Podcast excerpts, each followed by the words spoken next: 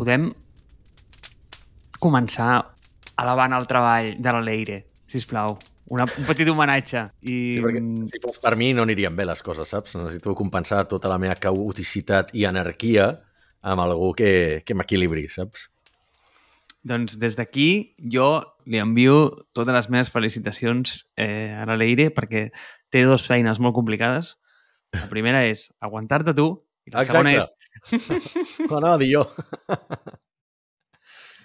I la segona és cobrir tota la teva ment caòtica. Així que, tio, tota la part... No, però està molt bé, està molt bé, està molt bé, perquè crec que com que ha sortit un balanç molt bo. És a dir, eh, i, per, i per, per donar context, eh, la Leire, eh, no sé exactament a què es dedica, però treballa a Mars Based. Head of People. Vale, la Head of People de Mars Based m'ha sigut de gran ajuda aquests últims dies perquè m'ha gestionat unes coses i ho ha fet d'una manera tan diligent que mai hagués pogut esperar tanta diligència d'un treballador eh, a nivell professional. I m'ha sorprès perquè això vol dir que l'Àlex sap que sap, sap d'on coixeja i, i sap complementar-se bé. Cosa que això és molt important. És molt important. És important controlar el nivell d'entropia que hi ha a les empreses perquè, com ja dictamina la, la, la teoria de, de, de l'entropia, eh, amb, amb la distribució d'energia a l'univers, també passa a les empreses. Les empreses tendeixen a que tot es vagi fent més caòtic, que quedi, aquesta caoticitat quedi repartida en l'empresa i d'alguna manera, a mesura que escales, has d'anar ficant certs perfils de certs perfils d'organització, d'operacions i, i amb, amb molta més diligència i, i una miqueta més esquemàtics, no? I, I la veritat és que per nosaltres, tot i que l'Eire no, és la, no va ser l'office manager original que vam fitxar, quan van passar de 10 persones, un dels grans canvis que va transformar l'empresa de la nit al dia va ser ficar un office manager, no? un perfil d'operacions, administració, recursos humans i comptabilitat, una miqueta mixta, per ajudar en tot tipus d'operacions, però bueno, la Leire va venir al cap de dos anys després i, i ostres, la veritat és que realment ajuda a que la, la, la nau de Mars Bay segueixi, segueixi anant eh, com ha d'anar. Mentre els altres ens preocupem d'altres coses, Diguem, és com la, és com la mecànica de la nau. Pues mira, ara sí he canviat, he, he canviat d'opinió, eh, Àlex? He canviat d'opinió. Eh, no per la Leire, la Leire està molt bé. Eh, és que si ja només d'entrada començar, ja, ja em treus el tercer principi de la termodinàmica, eh, treballar amb tu la gent hauria de pagar per treballar amb tu, macho. Hauria de cobrar, hauria, hauria, hauria de pagar. Jo pagaria per treballar amb tu. Bueno, escolta, doncs si coneixes algun desenvolupador que vulgui pagar-nos per treballar amb nosaltres, no, espera, igual farem una excepció, li pagarem nosaltres, perquè a l'hora de fitxar s'està posant, posant complicat. Però bueno, de què parlarem avui, Marc? Uf, és que m'agrada molt el tema, eh? M'agrada molt el tema i és que... Tio, mira si m'agrada, que no sé si em veus, però estic de peu. Estàs de peu, és veritat. Sí, m'he vingut amunt, he dit... T'has emocionat. Sí, sí, sí, me, tio, m'he llevat i mira, tio, avui, eh, no sé, em, em sento com per gravar de peu. Avui eh, farem de peu. Avui farem de peu, això, avui farem de peu. I mira, et diré una cosa, eh? M'agrada aquest episodi perquè el vas treure tu indirectament en el passat. No sí. sé de quina manera en vam parlar, és que l'altre dia on l'escoltava vaig dir, mira, això podria ser carn del, del següent. Eh, I anem a parlar d'automatitzacions. I dius, ojo, que pot ser avorrit. No, no és avorrit, serà divertit, creieu-nos. I és que hi ha com aquestes petites coses he estat pensant aquests dies. Hi ha com aquestes petites coses que quan t'hi trobes, i t'hi trobes molt sovint, dius, hòstia puta, quina merda, eh, i perdó per ser tan mal parlat, perquè dius, això ho faig 34.000 vegades, em costa molt, eh, això ho he d'automatitzar, però mai ho fas. Vale? Llavors, és una merda perquè eh, com que... Què és el que passa? Eh, com que ja, tio, gràcies a la generació del TikTok, eh, el YouTube i les merdes aquestes, eh, hem perdut la capacitat de concentrar-nos i ja, bàsicament, tenim la mateixa tensió que té un peix globo, o sigui, no tenim absolutament cap tipus d'atenció. Eh, ens trobem un problema i diem, oh, merda, quin problema? I se'ns oblida, ja està i després, eh, al cap d'una setmana, ens hi tornem a trobar exactament amb el mateix problema i diem, oh, quina putada! Va, és igual, ja ho arreglaré un altre dia. I això es perpetua en el temps. Fins que et dones compte que dius, hòstia, i he topat tantes vegades que igual invertir-hi, no ho sé, un parell d'horetes per automatitzar-ho i deixar-ho fet ja me n'estalvia mm, N hores o infinites hores en el futur depèn del meu arc de vida eh, i, i, i de, de lo molt que em cuidi, no? Perquè mm, també depèn molt del temps que visquis, no? Has de calcular el retorn de la inversió aquesta. Llavors... Hòstia, espero que visquis molts anys.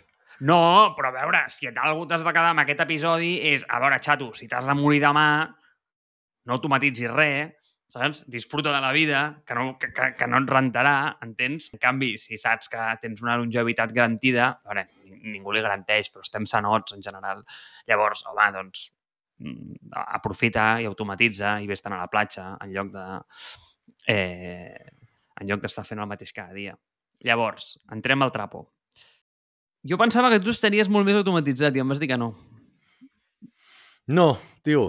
Eh, avui venia, venia caminant del metro i, i me n'he adonat per què.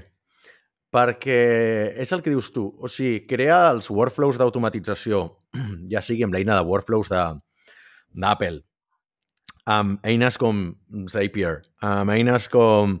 Uh, sé que Android també té alguna manera no, de crear aquests, uh, aquests tipus de, de shortcuts i tot això.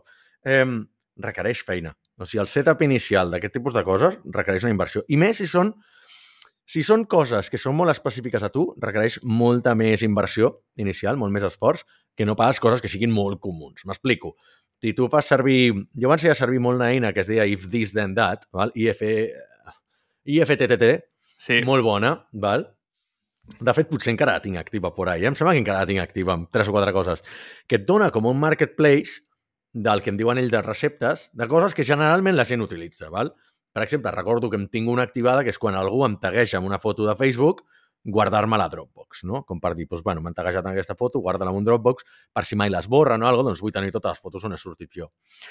Um, coses tan tontes com si, doncs, si tens un esdeveniment al calendari, doncs que t'envia un SMS que si poses un arxiu de, de Dropbox en aquesta carpeta, eh, no ho sé, envia un correu amb els adjunts. O sigui, coses que més o menys podem fer servir a nivell de feina o a nivell personal. Eh, o quan arribi a casa, envia-li un SMS a la, a la meva dona, no? O sigui, coses d'aquestes. Eh, hi ha coses que més o menys ha servit tothom, que pots automatitzar també amb les, amb les cases domòtiques, doncs encén les llums quan arribi a casa, etc etc. Què passa? Que aquestes són com molt genèriques i van bé pel, bueno, per la majoria de gent que pugui fer servir això. No obstant, els que toquen més les pilotes d'aquest tipus de casos que dius tu, ostres, necessito automatitzar això, són els que són 100% espe específics a tu, no? I aquests requereixen molta més feina. Aleshores, tota aquesta intro per donar peu a la, a la reflexió, l'epifania que he tingut, que és com, ostres, realment he dedicat temps a automatitzar i a eficientar processos quan he estat més ociós.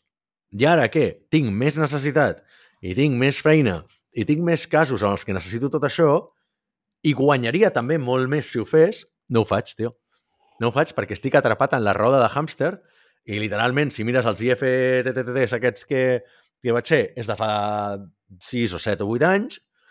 Si mires la eina aquesta de, dels workflows d'Apple, no n'he fet servir ni un. I tinc molt poques coses eficientades així. O sigui, realment ho he fet quan he tingut més temps lliure i generalment sol ser, li sol invertir temps durant les vacances, però no, no, o sigui, estic... he deixat paulatinament, sense adonar-me'n, d'automatitzar coses.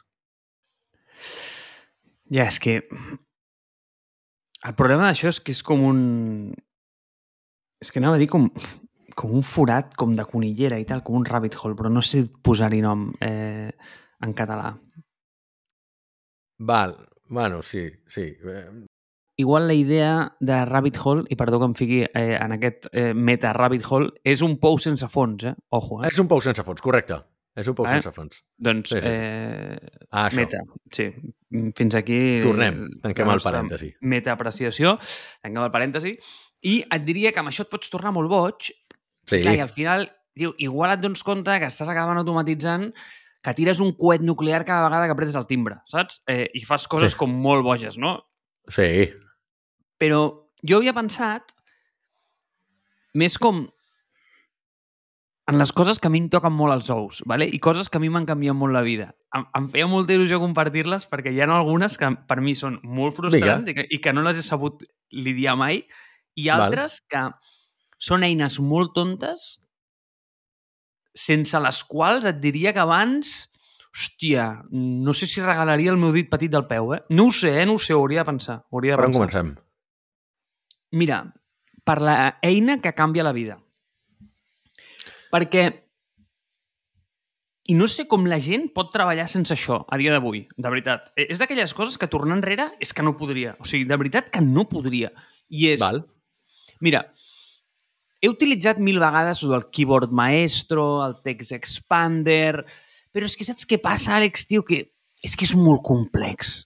Perquè ja generes com una tasca en si mateix de tenir que recordar tots els shortcuts que et fas i, i hòstia, tio, i és... Eh, a veure, que sí, eh, que segur que hi ha gent que li treu molt valor, eh? I, i jo, per exemple, doncs, i el que sempre et dic, quan està per default no agafo una solució així com a alternativa. I, per exemple, doncs Apple té una cosa molt senzilleta que són com els keyboard shortcuts o alguna així, que està sí. Com a l'apartat de settings keywords, que tu pots ficar com, si escolta, cada vegada que apreti el teclat, escriu'm això, vale? pues mira, mm, jo en tinc quatre d'aquests, que són els de sempre, els mítics, històrics, i ja em van bé, vale? Això ja Val. em va bé. Vale.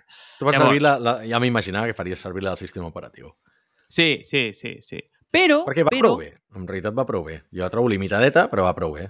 és limitadíssima, però és això, o sigui, és que saps què passa? Que en el moment en què tu m'obres la veda i em dius, eh, pots fotre el que vulguis, llavors em torno boig. I llavors tio, em perdo el bosc i, i ja no me'n recordo dels que, dels que havia fet. És, és un lío.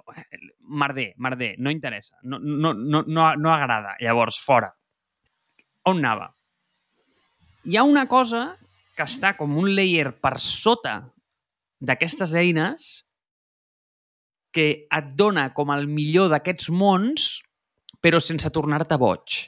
Que és, i ho diré en anglès perquè no sé com es diu en català, és un clipboard manager.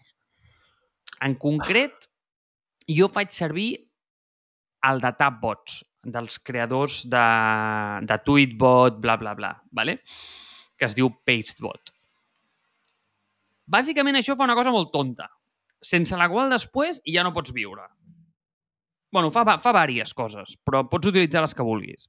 Però bàsicament el que és, és que et guarda en memòria les últimes mil coses que has fet copy-paste.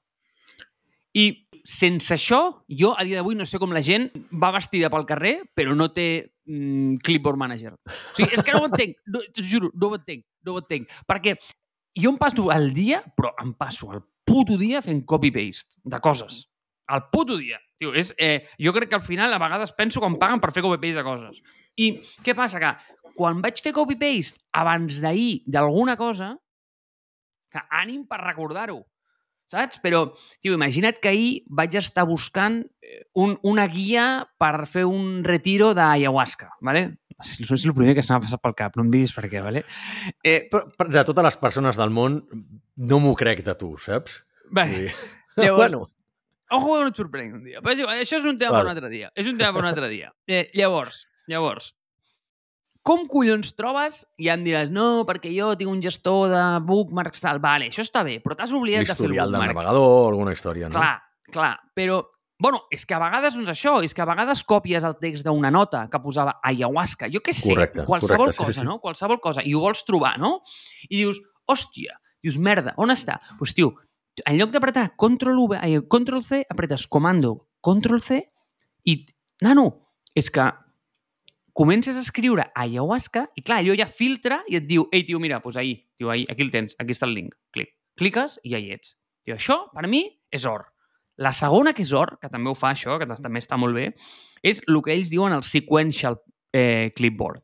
Que bàsicament Val. el que és, és a tu mil vegades et comparteixen com 50 ítems. ¿vale? Quan dic 50 poden ser 15, 20 o 17. ¿val? I aquests ítems que has de fer? Els has de copiar tots. Doncs, tio, amb això el que fa és que et genera com una cua per copiar-los i després la mateixa cua per enganxar-los. I, hosti, és puto or, perquè no has d'estar com eh, canviant de finestres 52 vegades per copiar-los eh, i enganxar-los, que és un cunyàs. I la última, que aquí és on et pots tornar una mica boig, eh, i jo m'hi he tornat una mica, perquè la veritat és que està molt bé, és que et pots crear com els teus eh, filtres. Per exemple, un filtre. Molt tonto, ¿vale?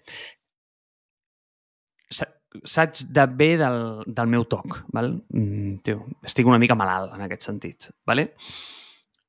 I jo, quan comparteixo una URL d'Amazon, no puc suportar compartir una URL de, de 3 quilòmetres, vale? Ah, no val, puc. perquè tenen tots els paràmetres No de, puc, no puc. de, de redirecció, de seguiment... De... Sí, no, no, no, no. No puc, no puc, vale? O ets. sigui, eh, el, el meu cervell no em deixa, vale? Pues jo tinc Sí. un que... O sigui, tu fas Comando Shift V, que és amb l'especial, i llavors ja et diu, mira, tio, aquí tens tots els teus filtres. I jo tinc un que es diu Amazon Cleaner, tio. I l'Amazon Cleaner el que fa és que agafa una URL de merda i amb una regex eh, que em vaig fumar, bàsicament treu tot i es queda el DP, o sigui, perquè totes les referències d'Amazon són igual, amazon.com barra DP barra un numeret. Llavors, això sempre són les referències d'Amazon. I jo sempre et comparteixo aquesta. Mai et, mai et fico els params, no? O jo què sé, treure els UTMs. Doncs, tio, tinc una que és per només treure els UTMs. Merdes d'aquestes, no? Diu, això, doncs, hòstia, eh, és una tonteria, però a mi m'ha salvat la vida. Te n'ha salvat alguna la vida, tu, Àlex, o no? A mi el Text Expander, i com Eh? que l'has mencionat tu, jo sóc, eh, literalment és de les primeres eines, si no la primera eina que instal·lo quan tinc un ordinador nou, és el Text Expander. O sigui, el Text Expander, per qui no ho conegui, és una eina en la que, com, com la que et ve amb el sistema operatiu d'Apple, que, que et permet crear, um, com es diu això, shortcuts, eh, Dreceres. Dreceres, em sorties curtcircuits, dreceres. Dreceres de, de text o de, de caràcters especials del teclat i t'ho canvia per una altra cosa, no? O sigui, jo em faig servir tant per programació, o sigui, com coses de CSS o de Ruby i tal, que poso doncs, alguna, al- alguna cosa. Per exemple, en CSS, un cas molt, molt eh, paradigmàtic és que amb el teu editor de text, si tu vols crear, bueno, HTML en aquest cas, no? vols crear una taula, doncs obrir eh, una, una llista, no? Perquè, bueno, podria ser una taula, en el cas d'una taula, no? Si ja començo a escriure el mm, menor que, eh, després l'etiqueta de la taula, eh, ja m'autogenera tot l'HTML que fa falta per una taula, no? Inclús pots dir-li on vols posicionar el cursor. Un cas molt específic és com sempre hem d'escriure les típiques etiquetes d'enllaç, no? De, el, els A, no? Doncs quan ja escric el menor que A, quan obro el tag A dels, dels hiperenllaços en HTML, ja em posiciona el cursor dintre el href, del, del atribut href, saps? Si t'estalvies eh, doncs haver d'escriure tota la tira llarga de també el target i els altres atributs que puguin tenir les, eh, doncs les etiquetes aquestes HTML i et posiciona el cursor on tu vols. També li pots dir que, que et copiï, per exemple, tinc algunes que em copia el contingut del del, d'això, del portapapeles, no? portapapers, no sé, el clipboard, no? I, I, per exemple, si tinc copiat un enllaç, o sigui, això detecta que si tinc copiat un enllaç i faig un A amb, amb HTML, ja em posa l'enllaç a dintre del camp href, no? O sigui que en aquest sentit va molt bé. No només per programació, ho faig servir per tot. O sigui, per exemple, a nivell de feina, el que dius tu, a nivell de feina, les nostres feines en tant que managers, bàsicament és parlar amb gent i copiar i enganxar coses, no? Què he de copiar i enganxar jo? Les dades fiscals de l'empresa. No me les sé de memòria, no me les sabré mai, no em sabré mai el CIF, no em sabré mai l'adreça de l'empresa, aquest tipus de coses. Ni la compta IBAN, no? Que l'ha de passar doncs, a clients, a proveïdors, a partners, etc etc. Doncs això tinc un, eh, faig servir símbol de dòlar i després una, un, poso símbol de dòlar MB IBAN i sé que és Mars-based IBAN. Si poso símbol de dòlar IBAN és el meu IBAN. Si poso MB ADD d'adreça eh, és l'adreça de l'empresa, però si poso dòlar AD és la meva. Uh, aquest tipus de coses. Els perfils de Twitter, els perfils de xarxes socials, tant de l'empresa com de xarxa de Startup Grind, com els meus, els tinc així. Tinc, eh, què més? URLs, que has de copiar molt sovint, per exemple, del Calendly, no? Tu, segurament, com tanta... Bueno, no sé si tu havies dit que havies deixat de fer servir Calendly, no? Però uh, la gent que té Calendly generalment té Calendly per tres o quatre coses, no? Aleshores pots tenir...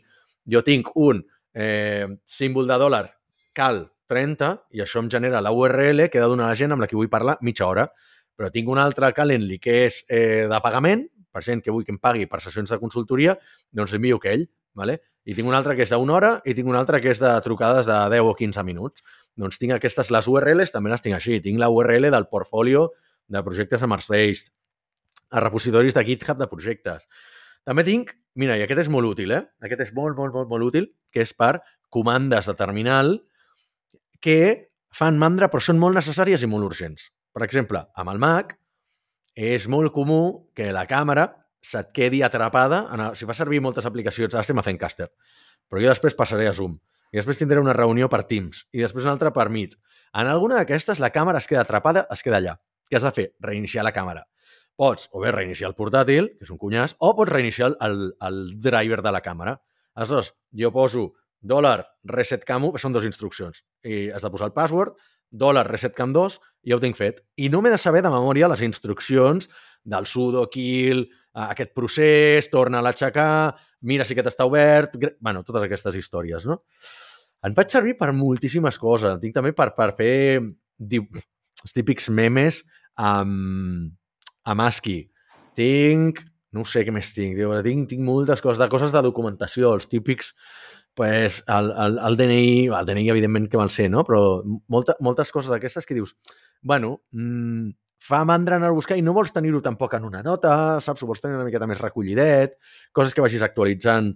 Eh, inclús, per exemple, també tinc templates de correus, que tot i que cada eina de correu que fa servir té la seva manera de fer templates, doncs jo les tinc aquí. Llavors ja tinc el meu, quan, sobretot quan enviar el típic correu que no vull enviar a tothom de cop, però vull enviar-lo individualment a molta gent i és exactament el mateix, per motius completament diferents, eh, doncs ho faig així. I aleshores se m'acuden, és que tinc 50.000 exemples, eh? De fet, això ho tinc tan automatitzat que per fer el backup, abans no hi havia backup d'això, no t'ho feia, no em feia backup al cloud, ara ja t'ho fa, però jo abans ho tenia guardat en un repositori de GitHub. Sí, imagina't.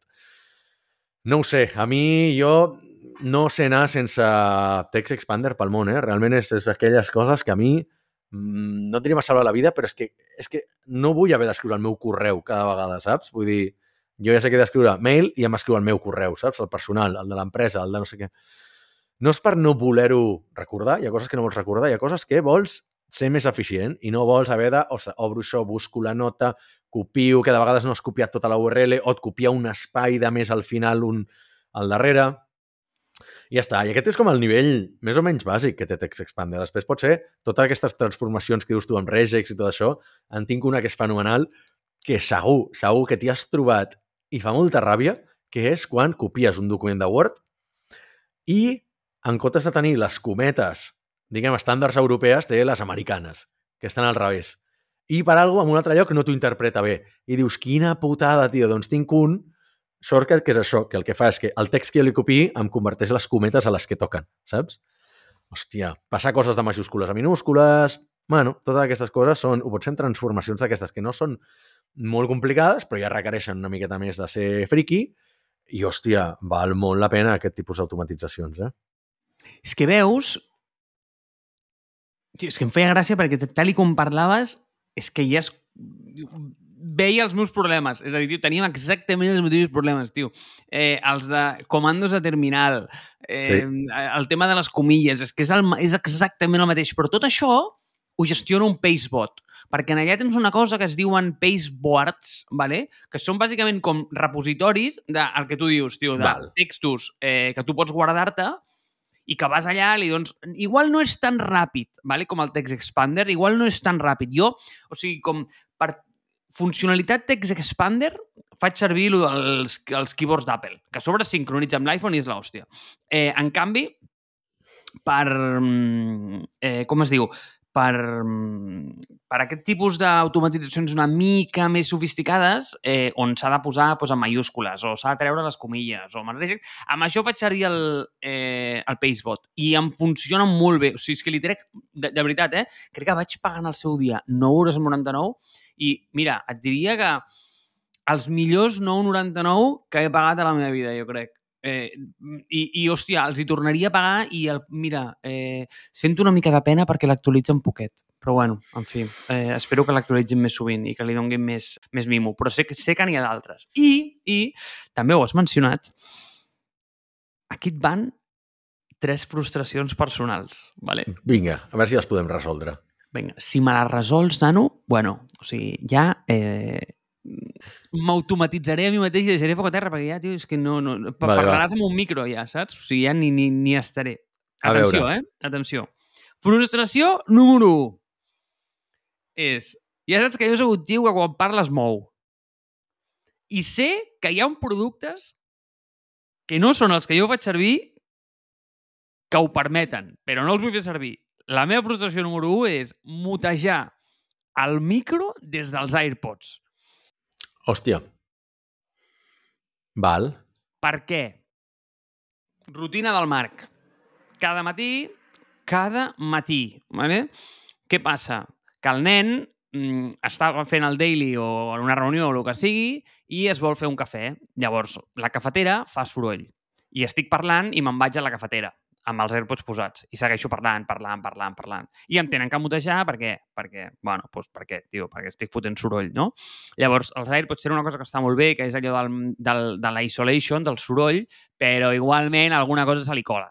Llavors, mmm, o anem a dir, ah, ja ser molt dolent, vale? però, tio, tothom ho ha fet alguna vegada. Estàs en una col i vas a pixar mentre estàs fent la col, vale? Tio, que...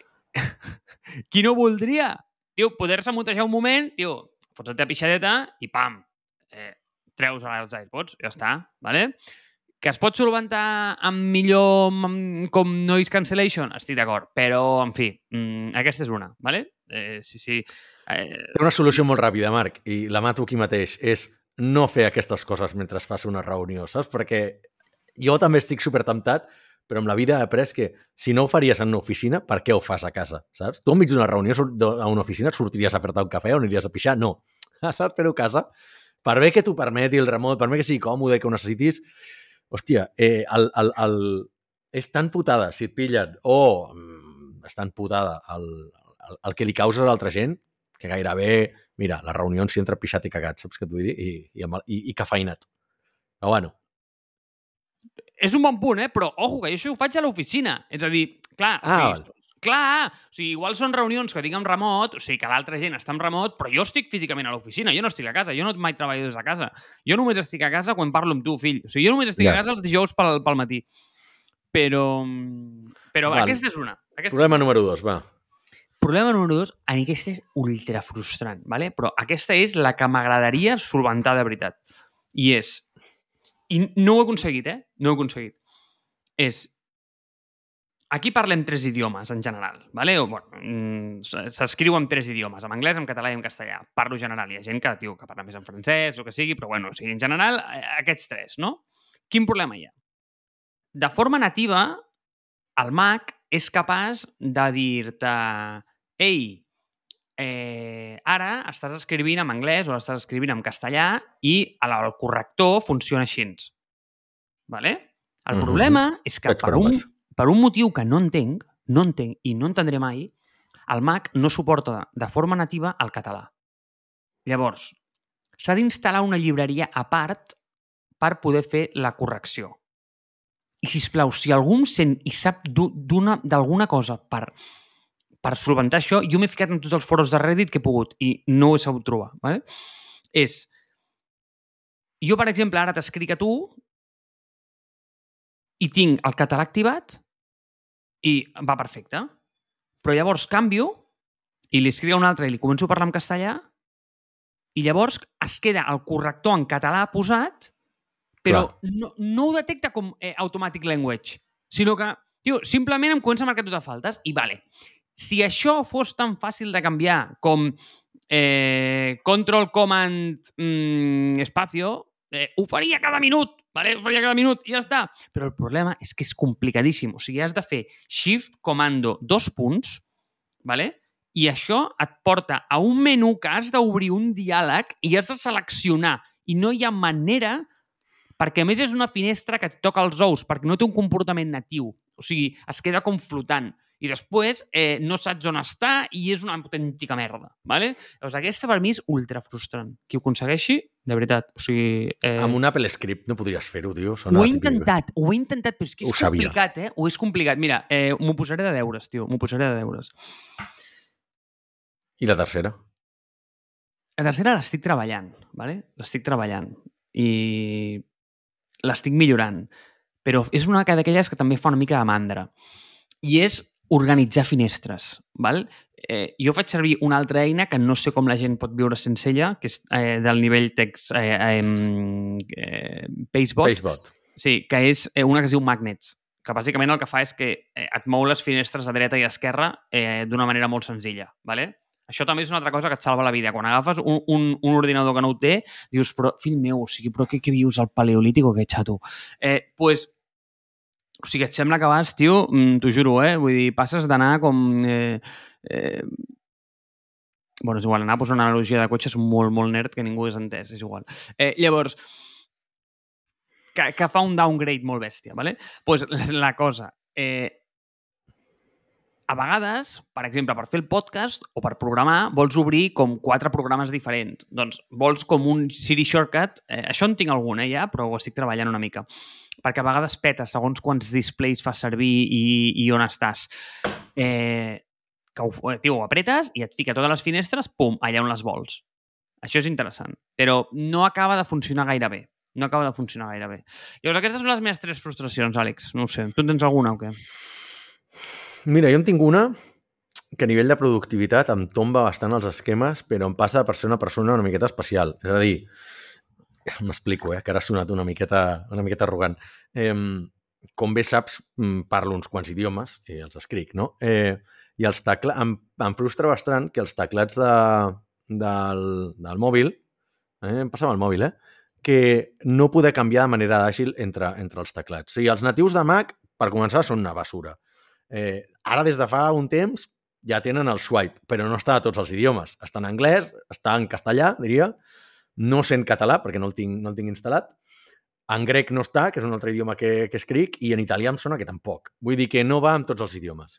Jo, de tota la vida, perquè volia el tema del el swiping keyboard, i fins que no n'hi va haver a Apple, no em vaig canviar a l'iPhone, eh, faig servir els teclats aquests on arrastres els dits, no? I jo feia servir eh, SwiftKey. Bueno, faig servir SwiftKey, però el feia servir ja des d'Apple. De, des Perdó, des d'Android. De, des Abans feia servir un que es deia Swipe, però no sé si em sembla que va desaparèixer.